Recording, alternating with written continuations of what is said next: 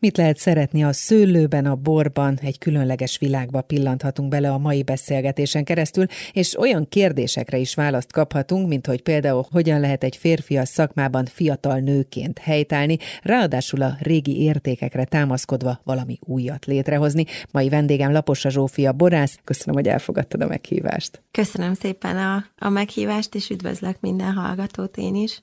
Egy ismert család egyik legfiatalabb tagja vagy, és úgy tudom, hogy a te történeted, vagy a ti történetetek meglehetősen messziről, egészen a dédszüleitektől ered. A főszerepben mégis az a kis présház áll, amit a szüleitek nász ajándékba kaptak. Hogyan is volt ez pontosan? Akkor egy kicsit én is visszalépek a kérdésben, tehát én azt gondolom, hogy minden családnak megvan a, a maga egyedi és, és izgalmas összetett története, tehát nem véletlenül szoktak nyilván szakmák generációról generációra öröklődni, akár egy kicsit formálva, akár úgy, hogy minden generáció hozzáteszi a maga egyediségét a maga újdonságával, de ami nálunk ugye érdekes, hogy a családnak, tehát hogy édesanyám és édesapám ágán is, tehát hogy mind a két ágról van boros kötődés, édesapámnak a felmenő kádármesterek voltak, de budapesti központtal. Tehát hordókészítés. Hordókészítő, igen, igen, és akkor Kőbányán volt ez a kis kádárüzem. Édesanyám pedig ugye Badacsonyi, és hát ott meg abszolút volt egy olyan időszak, amikor mindenkinek a kis kertjében azért még volt szőlő nyilván az adott érának megfelelő mennyiség és lehetőségek szerint, de hogy azért a Badacsonyi nagypapám már ugye foglalkozott azért így szőlő termesztéssel, borkészítéssel.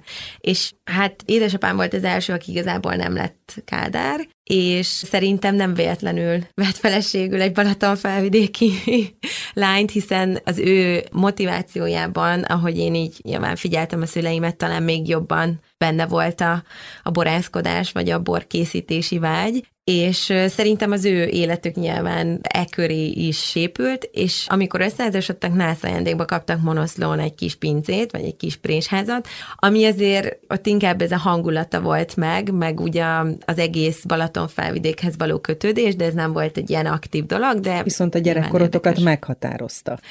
Úgy határozta meg inkább, igen, hogy, hogy ott megvolt ez a szőlőhegyi hangulat, amiben mi belenőttünk. Ugye édesapám először nem borászként, hanem szakíróként tevékenykedett, tehát írt villányról, szakkönyvet, Tokajról, Somlóról, most már Badacsonyról is, tehát igazából gyerekként mi is így körbeutaztuk Magyarországot, és Magyarországon kívül is nyilván valami minden nyaralást borvidékre mentünk, tehát hogy belekerültünk ebbe a világba. Igen. És Budapesten nőttél, nőttetek fel, viszont a mindennapjaitok része volt a szőlő. Felmerült benned, hogy esetleg te más úton indulj majd egyszerre? Tehát, hogy gyerekként te mire készültél? Ez egy jó kérdés, mert mostában nagyon sokat gondolkozom rajta, hogy nyilván mi indított el ezen a pályán. Én azt gondolom, hogy amiről beszéltünk, ez a generációról generációról, hogy nyilván egy gyereknek van egy mintája, tehát, hogy amit lát mondjuk, hogy a szülei is mivel foglalkoznak és hogy nálunk ez így abszolút tényleg átjárta a, a hétköznapokat, tehát nem lehetett ebben nem bevonódni. De nyilvánvalóan nem volt kötelező, hiszen ugye hárman vagyunk testvérek, és igazából a borász csak én vagyok a családban, tehát hogy ezért nyilván mindhárman valamilyen szinten kötődünk ehhez, de hogy így effektíve borász, ez csak én lettem. Ami nagyon hamar kikristályosodott nálam, hogy én nem leszek mondjuk ügyvéd, vagy hát nem, tanár, vagy közgazdász. Vagy irodista. Vagy irodista, igen, tehát erre próbáltam célzni, szóval, hogy nem, nem szeretnék papírt jobbról balra ilyen áthelyezni, hanem hogy nekem kiskoromban is én órákig el voltam tényleg, hogy, hogy a bogarakat néztem, amikor már volt macskám, én, én egész nyáron kint aludtam velük, tehát hogy effektíve a kertbe aludtam, hogy ott legyenek legyen a természethez igen, az állatokhoz. Igen. Tehát, hogy nyilván ez így most már így furcsán hangzik, de hogy nekem abszolút az volt az utam, és hogy a természetnek a felfedezésében leltem mondjuk talán a, a legnagyobb örömet, gimiben már biológia tagozatra mentem, és igazából ott volt bennem az, hogy jó, akkor ugye már annyira hamar el kell dönteni, én azt érzem, hogy a mai világban, hogy akkor az ember mivel is foglalkozzon, mert már szakosodni lehet, meg speciális gimnáziumok is vannak, vagy akár már általános iskolába is így bizonyos tantárgyakra nagyobb hangsúlyt fektetnek, és nekem az egyértelmű volt, hogy akkor gimnáziumban én biológia tagozatra megyek, hiszen az állt hozzám a legközelebb, és nyilván ez amúgy a borászati pályára is amúgy jó volt, de sokáig volt bennem az, hogy esetleg állatorvos legyek. Ezt nem adtam még fel teljesen, szerintem lehet, hogy egy ilyen nyugdíjas, nyugdíjas kikapcsolódásnak akár szóba jöhet. Tehát ebből a szempontból ez így nagyon megvolt. Most, hogyha nem tudom, geológus lett volna mondjuk az édesapám, akkor lehet, hogy az vonz jobban, de hogy, tehát, hogy az, az biztos, hogy én a természettel szerettem volna kapcsolatba kerülni, meg most is ez a napi hajtóerőm inkább, hogy így valamit megértsek magamból is, illetve a, a természetből is, és az ember is a természet kapcsolatából. És mi az, amitől a legjobban kötőd szerinted ehhez a világhoz? Tehát mi az, amit a legjobban szeretsz benne? Nagyon összetett, és engem is ugye többféle dolog érdekel, és pont azt tetszik benne, hogy ennyire összetett, tehát hogy megvan benne egy kicsit ez a művészi alkotás jellege, amit szintén nagyon, nekem nagyon fontos, és nagyon fontos, hogy előállítsak egy produktumot, tehát hogy abból, amit Ízek, a két harmóniák? kezem... Nem, nem erre gondolok, hanem effektíve a borra. Uh-huh. Tehát, hogy egy termék jön létre a kezem által. Tehát nekem ez mindig fontos volt, hogy akkor legyen egy kész produktum, amit esetleg másokhoz is el tudok juttatni. Az már, hogy ezt ugye milyen mélységben csinálja az ember, ott van egy kicsit ilyen, ilyen nyilván művészi jellege, az Igen. már egy kicsit így az ízek, a harmónia, stb. stb és mellette viszont nagyon exakt és mérnöki, és nekem az is nagyon tetszett. Én a matekot is imádtam, mindig nagyon szerettem logikusan gondolkodni, hogy használjam az agyamat, és ez a része is, és az, hogy ez a kettő pedig, vagy hát három még így egyben van, hogy így a természethez közel lehetek, megvan a mérnöki szemlélet, és ott igenis a matek, fizika, kémia, minden, ami hozzám közel állt, és az, hogy így alkothatok, és a művészi összhang. Tehát én azt gondolom, hogy, hogy ez egy ilyen nagyon szép, komplex szakma, és talán talán ezért is nehéz, vagy hát nehéz hatalmas elánnal csinálni, hiszen a sokoldalúsága miatt nem biztos, hogy mindenkinek ez így közel áll a szívéhez, vagy mindenki ebbe ki tud teljesedni, mert ugye sokszor hajlamosak vagyunk úgy, hogy egy dologra ráfókuszálunk, és szerintem itt ez a luxus, ez nem engedheti meg magának az ember. Úgy tudom, hogy te külföldön is tanultál, illetve inspirálódtál. Mi az, amit onnan lehet úgymond tudást, szemléletet, vagy lehetett hazahozni? Tehát amivel te több lettél? Rengeteg mindennel. És, és ez merre is, jártál? Igen, ez is. Azt gondolom, hogy itt is a, az emberi és a szakmai oldala is megvan, hiszen minden egyes utazással szerintem a, mi is formálódunk, tehát hogy így az emberi mi voltunk. Gondolkodásunk, nyilván érnek élmények, amiket utána az ember beépít, illetve hát a szakmai részben is nagyon sokat lehet tanulni. Volt, ahol amúgy azt tanultam meg, hogy hogyan nem szeretném csinálni, és az is egy nagyon értékes információ, hiszen ameddig az ember nem próbál ki aki valamit a gyakorlatban nem feltétlenül tudja ezt a mentálisan vagy a gondolataiba beépíteni. Sok helyen voltam, hiszen amikor eldöntöttem, hogy borász leszek, ugye akkor a kertészeti egyetemre felvételiztem élelmiszermérnökként végeztem borász szakirányon, és bekerültem az iskolapadba, és én úgy éreztem, hogy én azért ennél szeretnék egy kicsit többet tudni a szakmáról. Ez a gondolat elég hamar megfogalmazódott bennem, és utána már csak azon gondolkodtam, hogy akkor ezt hogy tudom megszerezni, hogy tudok minél többet megtenni azért, hogy így nyilván az elméleti és a gyakorlati tudást is egyszerre megszerezzem, és hát most a sorrendet ezt pontosan nem tudom, mert nem szoktam a saját önéletrajzomat így felmondani, de Erasmus-tal voltam Valenciába, ott áthallgattam egy szülészborász mesterképzése, azt imádtam, és félelmetes élményekkel jöttem haza, tényleg nagyon sok mindent láttam, teljesen más volt ugye az oktatásnak a, a struktúrája, egy nagyon gyakorlati mondjuk úgy, hogy hasznos oldaláról fogták meg, de ugyanakkor nyilván az elméletet is számon kérték elég keményen, és hát én oda így becsöppentem, hogy még igazából spanyolul annyira nem beszéltem, de ezt megoldottam. Igazából ezt minden országban megoldottam. A motiváció mindenhol nagyobb volt, hogy én szeretném megérteni a kultúrát, és szeretném megérteni a, az ottani borkészítést. Olaszul is tanultál, ugye e, Hát igen, tehát igazából az olasz az a hatodik idegen nyelv volt, amit így megtanultam így az életem során nyilván így a bornak köszönhetően. Akkor utána voltam Burgundiában, oda pedig már azért mentem, mert franciául szerettem volna megtanulni, és nyilván egy borászatba dolgozni, hogy utána a Bordóba mehessek egyetemre, és hát sikerült is a felvétem, és franciául is valamennyire megtanultam, ez egy nagyon érdekes történet, tehát itt is, hogyha belegondolok, akkor hihetetlen elszántság volt bennem ezekkel a dolgokkal kapcsolatban, hiszen egyik sem volt egy ilyen egyenes út, vagy nem adták könnyen, tehát Bordó a világ legjobb borászati egyeteme, igazából a mai napig is kettő magyar van, aki ezt elvégezte, az egyik vagyok én, elején. És tényleg ott franciául volt már a felvételi is, utána franciául volt az egész oktatás, és ahogy mondtam, ugye előtte hát megtanultam, hát megtanultam ezt most ilyen idézőjelbe franciául, de hát nem írtam, meg nem olvastam, tehát nyilván akkor annyira nagyon nem volt rá szükségem, mielőtt még így a Burgudiába dolgoztam, és hát bekerültem úgy az egyetemre, hogy igazából nem nagyon tudtam írni és olvasni, és hogyha valaki egy kicsit ismeri a francia nyelvet, akkor tudja, hogy ott elég nagy különbség van. A, a hallott nyelv. A, igen, a hallott nyelv között. és az írt és olvasott között, igen. tehát talán az egyik legnagyobb különbség, tehát itt ezért fontos, és igazából hónapokig nem néztem föl a tanára meg a táblára, hanem a mellette ülőről másoltam a jegyzeteit, amit ő írt. És hát szerintem egy ilyen hihetetlen bravúr, hogy így utólag visszanézve, hogy el tudtam végezni. Szerintem ilyen 70-en voltunk, talán abból 12 volt a külföldi diák, és ketten végeztünk tehát nem adták időben. ingyen. Nem adták úgymond. ingyen, nem adták ingyen, és hát ott tanultam meg igazán tanulni, ugye így összehasonlítva tényleg a például itt is az oktatási rendszer, szóval azt gondolom, hogy így a vizsgai időszak az a magyar oktatásban a legjobb dolog. Tehát, hogy az embernek van egy hónapja, amikor igazából nem kell bejárni az egyetemre, beosztja, hogy mikor mire tanul, és közben így nagyon jól el van, és így tanulgat. És nyilván és közben azért, és vizsgázgat, és közben meg azért nem tudom, buli ide-oda megy, tehát, hogy, hogy ez egy ilyen dolog a Franciaországban. Franciaországban. Igen, ott egy hét alatt van az összes vizsga. Tehát ez hát azt a jelenti, hogy... sokkal... Hát, hogy 12-13 vizsga, tehát napi 2-3. Szóval, hogy ott, hogyha az ember nem tanul évközben, vagy abban a fél évben, esélytelen, hogy, hogy ezt úgy megtanulni. Tehát nem lehet éjszaka megtanulni ugye annyi anyagot így egyik napra a másikra, és ez azért nagyon izgalmas, mert így igazából pénteken már mindenki zombi, tehát, hogy senki nem alszik, nem eszik, mert, mert semmi alapvető életfunkciókat nem lát el, de hogy ugye a vizsgáknak meg kell lenni, tehát ez egy nagyon érdekes élmény volt. Hova mentél onnan tovább? Tehát hát igazából onnan már hazajöttem, de ugye ami még így izgalmas, igen, amit kiadtam, hogy Kaliforniában is voltam még egyetem alatt, illetve a gyakorlatomat, kötelező magyar gyakorlatomat, azt pedig Egerben végeztem a, a Szent Andrea pincészetnél, és akkor nagyjából azt hiszem a, a magyar egyetemi éveim alatt ennyi utazás volt, és amíg Bordóba pedig a gyakorlatomat, tehát ott is volt egy kötelező gyakorlat, ugye Bordóban is voltam egy pincészetnél, de ott csak egy ilyen két hónapot,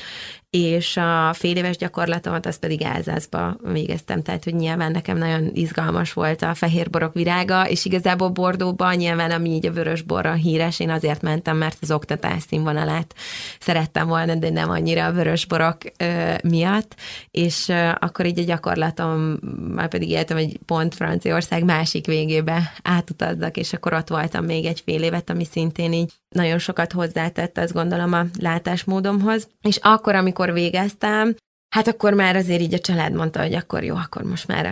Most már kész vagy. Most már kész vagy, most már gyere haza, és van itthon is elég feladat. Még azért kacérkodtam a gondolattal, hogy én szeretnék, vagy szerettem volna menni. Nem volt ilyen nagyon határozott elhatározás, hiszen már sokat utaztam, tehát addigra már azért öt évet kint éltem külföldön. Tehát nem az volt, hogy hiányzott, vagy hiányoltam volna, de hogy úgy bennem volt még, hát, hogy még azért egy-két országban elmentem volna, és akkor ehelyett hazajöttem, és akkor 2013-ban Belevetetted magad be. a családi vállalkozásba, és ott is, azt gondolom, biztos ott is nagyon sok mindent tanultál, ami már a gyakorlati napi működés volt, és hogyha tovább megyünk, akkor az elmúlt másfél évben, ami viszont teljesen más volt, mint az eddigiek, ott is nagyon sok tapasztalatot szerezhettél, mert hogy sok mindenben én úgy tudom, hogy úttörőek voltatok. Az online-ba áthelyezett eseményeitekkel, az értékesítése, tehát nagyon pillanatok alatt át kellett, vagy újra kellett szabni mindent. Ez mennyiben kötődött a te személyedhez?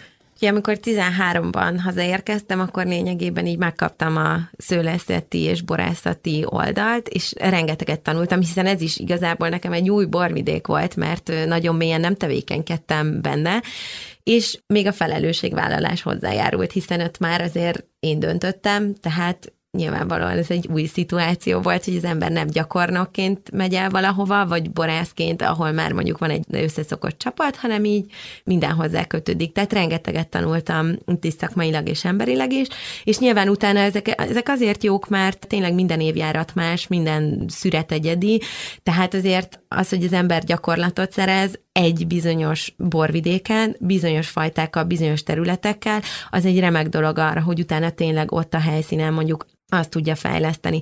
Tehát ez így megvolt. És akkor utána a kérdés második felére áttérve, hogy elkezdtem igazából így a marketinget mondjuk így önszorgalomból, mert ugye akkor 13-ban ez még azért a social média még nem volt annyira jelentős, vagy nem kapott akkor a hangsúlyt. A cégek nem fektettek akkor a hangsúlyt Nem fektettek, így van. És ugye nyilván nekem ez a külföld, tehát hogy azért is, mert hogy én fektettem ebbe elég nagy hangsúlyt a magánéletemben is, hiszen akkor a külföldön megismert barátaimmal mondjuk így tudtam tartani a kapcsolatot, és nyilván ez a része nagyon hozzájárult, hogy én relatív elég, elég sokat foglalkoztam ezzel, el, és akkor utána láttam meg nyilván ennek az üzleti értékét is, vagy lehetőséget, tehát mondjuk úgy, hogy a marketinget önszorgalomból így a szőlészet és a borászat ágazat vezetése mellett így elkezdtem ezzel foglalkozni, és az úgy rajtam maradt.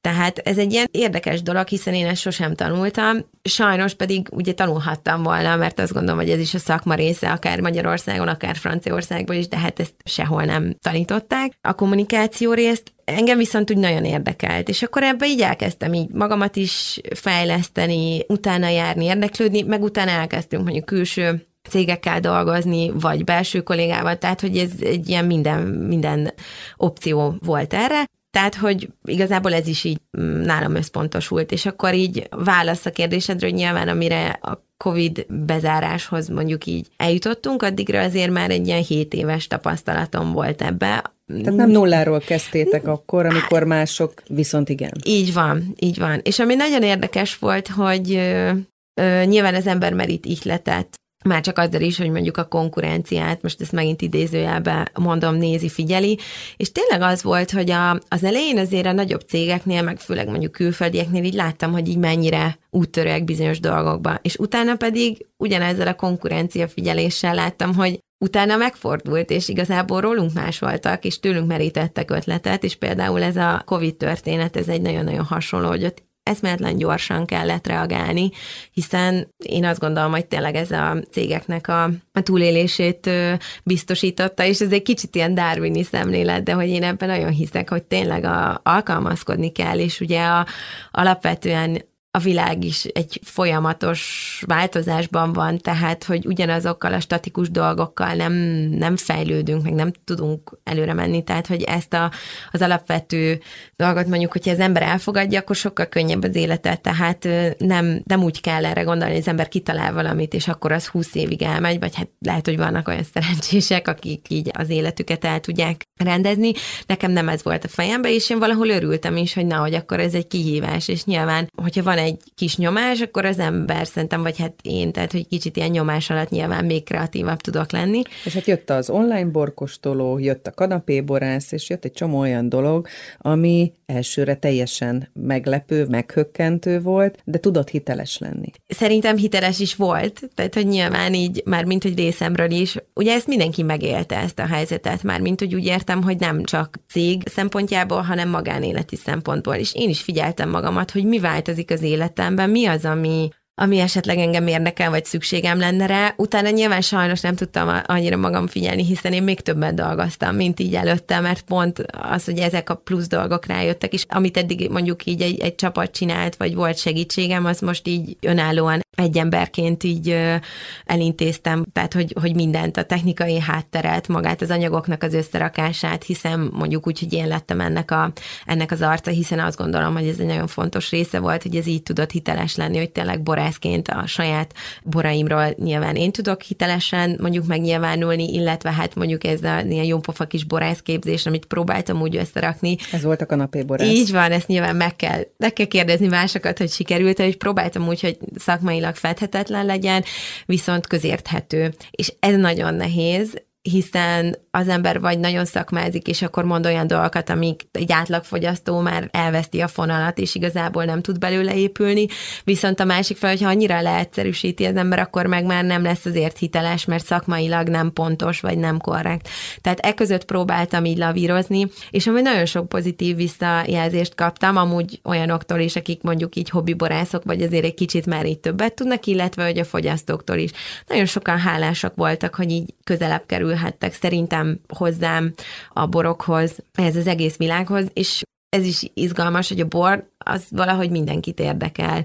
Nem tudom, hogy ezért, mert ugye azért így boros országként így nagyon sokaknak, ez egy ilyen gyerekkori élménye, hogy a nagypapájának volt, stb. stb. Szóval, mint mondjuk a disznóvágások, hogy régen az volt a legáltalánosabb, most meg már azért így ritkaság, de hogy nagyon sok embernek van egy érzelmi kötődése a borhoz. Mondhatjuk úgy is, hogy reneszánszát éli újra. Igen, hát volt egy gasztroforradalom amúgy is, tehát hogyha megnézzük, hogy 20 évvel ezelőtt mondjuk hány étterem volt, vagy nyilván nem a száma, hanem mondjuk minőségi étterem volt Budapesten, és most mennyi van, azért nagyon-nagyon meglepő a szám. Tehát, hogy én azt gondolom, hogy ez így párba jár, hogy a gasztroforradalommal együtt jött ez a, a boros érdeklődés, de én nem csak erre gondolok, hanem, hogy nyilván nagyon sokan szeretnének mélyebbről menni, és az már azt gondolom, hogy egy érzelmi töltet, ami az ő motivációjukat adja. Volt egy COVID, ami alatt volt egy átrendeződés, és ahogy beszélgettünk róla, rengeteg új ötlet, ami a borászathoz, a túléléshez kötődött. Ha visszatekintesz, és akkor egy pillanat erejéig maradjunk még itt, mi az, amit esetleg másképp csinálnál, vagy ezek az ötletek, amelyeket a social médiában, tehát a közösségi médiában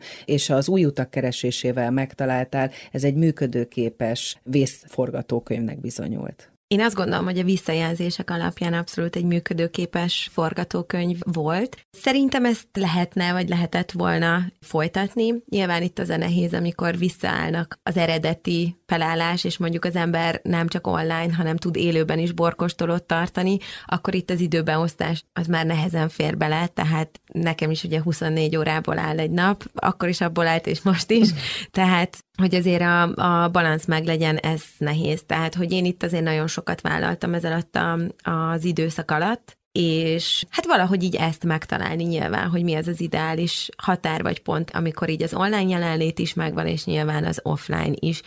Ami szerintem még nagyon izgalmas, hogy nyilván vannak olyan fogyasztók, akik földrajzi helyzetükből adódóan mondjuk akár akik külföldön élnek, vagy külföldi magyarok, vagy kisebb falvakban, akiknek mondjuk kevesebb a lehetősége mondjuk egy budapesti borkostolón részt venni, vagy nagyvárosi borkostolókon, mert mondjuk Győr, Szeged, Debrecen még mondjuk érintett. És én azt láttam, hogy nekik nagyon-nagyon fontos ez, a, ez az online lehetőség, és szerintem ezt érdemes még nyilván itt ebbe egy kicsit mélyebben belemenni, hogy az ilyen fogyasztóknak még mi az a plusz, amit így lehet adni, és nekem még voltak ötleteim, ezeket majd szeretném még egyszer megvalósítani, tehát ezeket most így nem részletezem teljesen.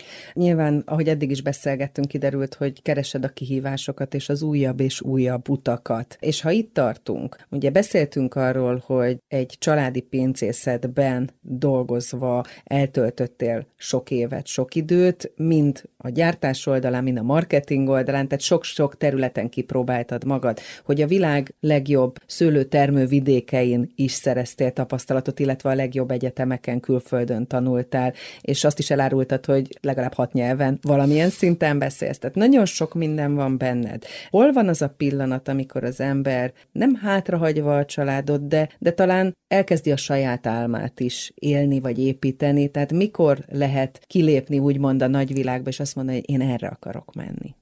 Hát az, hogy mikor, én nem tudom, hogy van erre amúgy egy jó pillanat, de Mi én kell ezt, lehet. Igen, én, én ezt megtettem, tehát, hogy nyilván így ebből ezt az élményt el tudom, el tudom mesélni. Ez egy nem könnyű döntés, nyilván nem csak azért, mert hogy mik a következmények, hanem, hanem azért is, mert a, teljesen megváltozik az embernek az élete, tehát nyilván másoknak is gondolom volt munkahelyváltása, vagy egy szakítás, vagy egy nyilván egy olyan történés az életében, amikor mondjuk így újra kell magát építenie meg. De, de nem, tehát hogy most nem, nem úgy a lelki részére gondolok, hanem egyszerűen ugye a fizikai valóságban is, hogy mondjuk akkor elköltözik, vagy új barátai lesznek, tehát hogy ezek, a, ezek az események szerintem ilyen jelentőség, vagy nagy jelentőséggel bírnak az ember életébe. És hát ez, amin én is így keresztül megyek, vagy így mentem most így az elmúlt egy évben, három-negyed évben. És hát ahogy nagyon szépen összefoglaltad, és köszönöm nyilván így a, az életednek a jelentősebb mozzanata, tapasztalatait. Nagyon sokat gondolkodtam azon, hogy én igazából, amit szintén kérdeztél, hogy miért lettem borász, és mi vezetett ide, és ahol most vagyok, azt mondjuk, hogy értem el, és abban, hogy tudok kiteljesedni. És nyilvánvalóan, amikor a, az ember nem csak a saját döntései által, nem tudom, vezérli az életét, akkor, mert nyilván van egy családi nyomás, van egy családi elvárás, akkor azért sokkal nehezebb meglátni ezeket a vágyakat, lehetőségeket, hiszen az ember nem is engedheti meg magának mondjuk így, ezt is idézőjelben. Hát a napi feladatkörökből, a napi hajtásból. Hát igen, és nagyon, tehát én is nagyon sokáig ezt csináltam, nyilván 14 órás munkanap volt az átlag, és szüretben ez 18 volt, tehát nem is tudtam kérdéseket feltenni, mert időm se volt rá, se magammal kapcsolatban, se az életemmel kapcsolatban, hanem nyilván nagyon kötelességtudóan csináltam a dolgaimat, feladataimat, és a legjobb tudásom szerint, és nekem tényleg az volt mindig a legfontosabb, hogy azt a minőséget előállítsam, elkészítsem, ami nekem fontos, amit én gondolok, amit én is szívesen iszok, és amit másoknak is szívesen megmutatok, prezentálok, és mögé tudok állni, és ezért én nagyon sok mindent ugye feláldoztam és jött egy pont, nyilván ezek a, ezek a pontok az érdekesek, amikor azért így feltettem pár kérdést magamnak először, hogy, hogy akkor hogyan látom a jövőmet, mi a jövőképem, hogyan illeszkedik bele, amit én képviselek a családnak a berkeibe, az egész családi cégbe. És hát nyilván ezek azért nehezek ezek a pillanatok, mert hogyha csak bennem van változás, akkor ugye a környezetem nem érti, hogy akkor most ezt esetleg mi váltotta ki, vagy, vagy mi a változás oka. Tehát ugye szerintem ez is egy ilyen általános emberi tulajdonság, hogy hajlamosak vagyunk igen a rutinjainkba, a hétköznapjainkba belefeledkezni, és nagyon ijesztő, hogyha van egy változás, akár ilyen életveszélyesnek tudjuk minősíteni, hogy úristen, jön egy változás, és akkor most mit kell kezdenem az életemmel. Tehát ezek ezért ugye nehéz döntések, illetve hát ezt tudtam, hogy a döntésem az másokra is hatással lesz. Nyilván ennek a pontos mértékét és a pontos forgatókönyvét azt nem sejtettem, hiszen ez, ez mindig ugye komplexen vagy több embertől függ. De most igazából főállásban mondhatnám azt, hogy azzal foglalkozom, hogy megtaláljam az utamat, és szerintem nagyon-nagyon jó úton haladok. Mi az álmod? Az Mit szeretnél felépíteni? Hát én nagyon szeretem a szakmámat, és abszolút azt gondolom, hogy ebbe szeretnék kiteljesedni, viszont szeretném ezt egy harmonikusabban tenni, mind a magánéleti, mind család alapítás szempontjából. Tehát lehet, hogy ez egy kicsit ilyen klisésen hangzik, de tényleg arra jutok én is mindig, hogy a harmónia a legfontosabb a, a legtöbb dologban az életben. Tehát ne legyen túl sok, ne legyen túl kevés. Tehát most nem szeretnénk a ló másik oldalára átesni, hogy akkor, akkor meg semmi, hanem tényleg megtalálni azt a harmóniát, és én hiszek abba, hogy nyilván ez majd így a kezem munkáján, tehát így a borokon is látszik, meg átjön és érezhető, bár én mondjuk eddig is tényleg a maximumra törekedtem. Eddig ilyen tűpontos és éles, és mondjuk úgy, hogy szinte tökéletesen megszerkesztett borokat készítettem. És vagy most, éppen pesgőket. Vagy éppen pesgőket, Mert ez igen. Egy volt és, és amúgy ezt nagyon, nagyon szeretik is, vagy sokan szeretik ezt a típust, és én azt gondolom, hogy pont most kezdem el így magamat felfedezni jobban, és most látom, hogy még azért így van tovább. Tehát még, még lehet ezt is formálni, és ezért mondtam, hogy nyilván megvan egy kicsit az alkot alkotás, meg a, meg a művészi jellege, hogy például én azt gondolom, hogy nyilván mondjuk egy fotóst is jellemeznek a képei, jellemez a, az, hogy hogy látja a világot, vagy az egész látásmódja. És egy borászt is. Termékei. És egy borászt is jellemez, igen, a terméke. A produktum. A produktum, így van. És én azt gondolom, hogy ahogy így a, a boraimat is figyelem, ahogy magamat figyelem, még érzem, hogy így van tovább, és nyilván ezt szeretném majd kifejezni. Nem, nem kapkodok, tehát nincs, nincs benne egy ilyen kényszer, és, és az, hogy akkor ezt most azonnal megvalósítsam, hanem szeretném nagyon körbejárni a kérdést, és inkább lassan, de biztosan megvalósítani ezt a, ezt az álmomat. Lesz akkor lapos a Zsófinak saját pesgője, bora? Igen. Tehát ez a terv. A márkanév az már el is indult, ez Wine Sophie, a neve, tehát már a kommunikációja az ilyen nagyon soft communication módon, de hogy azért már így van, tehát van Facebook oldal, van Instagram oldal, amiket szintén ilyen tehát nagyon a lassan. De már igen, de most nem úgy, hogy nyilván akkor most csak a marketinget építem, és akkor mögötte nem lesz tartalom, hanem pontosan azért, hogy inkább mondjuk ezt ilyen bevezetésnek, hogy az embereknek meg legyen a köztutatába, esetleg már érdeklődjenek, esetleg már várjanak, és amúgy visszatérve még a, az előző online megjelenésre vagy témára, hogy pontosan azon gondolkozom inkább itt is, hogy hogy tudok már olyan értékes online tartalmakat készíteni, amik mondjuk értékesek lehetnek a fogyasztók vagy a követők számára. Tehát inkább most így ez a tervem, és azt gondolom, hogy jövőre pedig már ezt így fizikailag is meg lehet majd kóstolni. Mitől függ, hogy egy borász éppen a fehér bor, a vörösbor irányába indul el, a pesgő a szenvedélye, tehát te inkább a fehér és a pesgő irányába mozdultál. Igen, ebben én azt gondolom, hogy van saját ízlés is, meg mondjuk mondhatjuk neveltetésnek is, tehát nyilván én, én mondjuk így fehér borok között nőttem fel, tehát nekem így egyértelmű volt ez a világ, de azért nagyon sok olyan helyen dolgoztam, meg nagyon sokszor készítettem én is vörös bort már életemben, ugye különböző borvidékeken, ahol jártam a, a világban, de nekem így ez, ez az ízvilág volt, ami így jobban megfogott. Nagyon érdekes amúgy a fehér meg a vörös bor közti különbség, mondjuk így borász szempontból. Valószínűleg amúgy a hány borászt megkérdezel, mást fognak mondani, tehát mondjuk úgy, hogy ez az én szakmai véleményem, hogy egy fehér bornál nem nagyon lehet hibázni. Tehát ott, hogyha az ember hibázik, az nagyon érezhető, hiszen érződik az amatán, az illatán, mindenem, hiszen legtöbbször azért egy fehér bort mondjuk korábban is fogyasztunk. Vörös bornál pedig azért egy hosszabb érlelés, egy, egy fahordó használata. Ott megvan a lehet lehetőség arra, hogy jobban átalakítsuk mondjuk így a struktúráját a bornak. Tehát ez egy kicsit olyan, hogy nem tudom, van egy nagyon jó minőségű húsunk, és akkor az csak sóbors és tökéletes, vagy van mondjuk egy nem annyira jó, és akkor azt bepácoljuk, és nem tudom, adunk neki egy másik ízvilágot. és biztos, hasonlat. igen, biztos vagyok benne, hogy sokaknak a másik ízlik, de hogy én azt gondolom, hogy én szeretem ezt az ilyen letisztultabb, egyértelmű világot, és a fehér bornál tényleg nincs párdon, tehát hogy ott mindig ott kell lenni, azonnal ott kell kell lenni, azonnal kell reagálni, és itt inkább ez a kicsit ilyen mérnöki szigor, ami nekem így jobban benne van, és én ezt nagyon kedvelem. A Pezső az meg megint egy másik világ, azt is inkább azt mondom, hogy fogyasztóként nagyon lelkes vagyok, és nagyon szeretem, és ugye ez az olasz utak, azok ide kapcsolódnak, hogy, hogy onnan Onnan inspiráltam, igen, tehát az elmúlt négy évben nagyon sokat voltam kint Olaszországban, ugye Prosecco régióban, és ott eltanultam, tehát dolgoztam is ilyen egy-egy heteket borászatoknál, összesen hat hetet, és ott is ugye fizikailag is érdekel. Tehát én, én olyan vagyok, hogy nagyon hát készíthettem volna előtte is pesgőt, mint ahogy sokan teszik, de hogy én szerettem volna valójában a mélyére látni és megszerezni azt a tudást, és utána elkészíteni. Erre Tehát... meg kell érni? Milyen lépései vannak a szakmában, az életedben annak, hogy mikor jön el az, hogy én ilyen bort, olyan pesgőt akarok készíteni?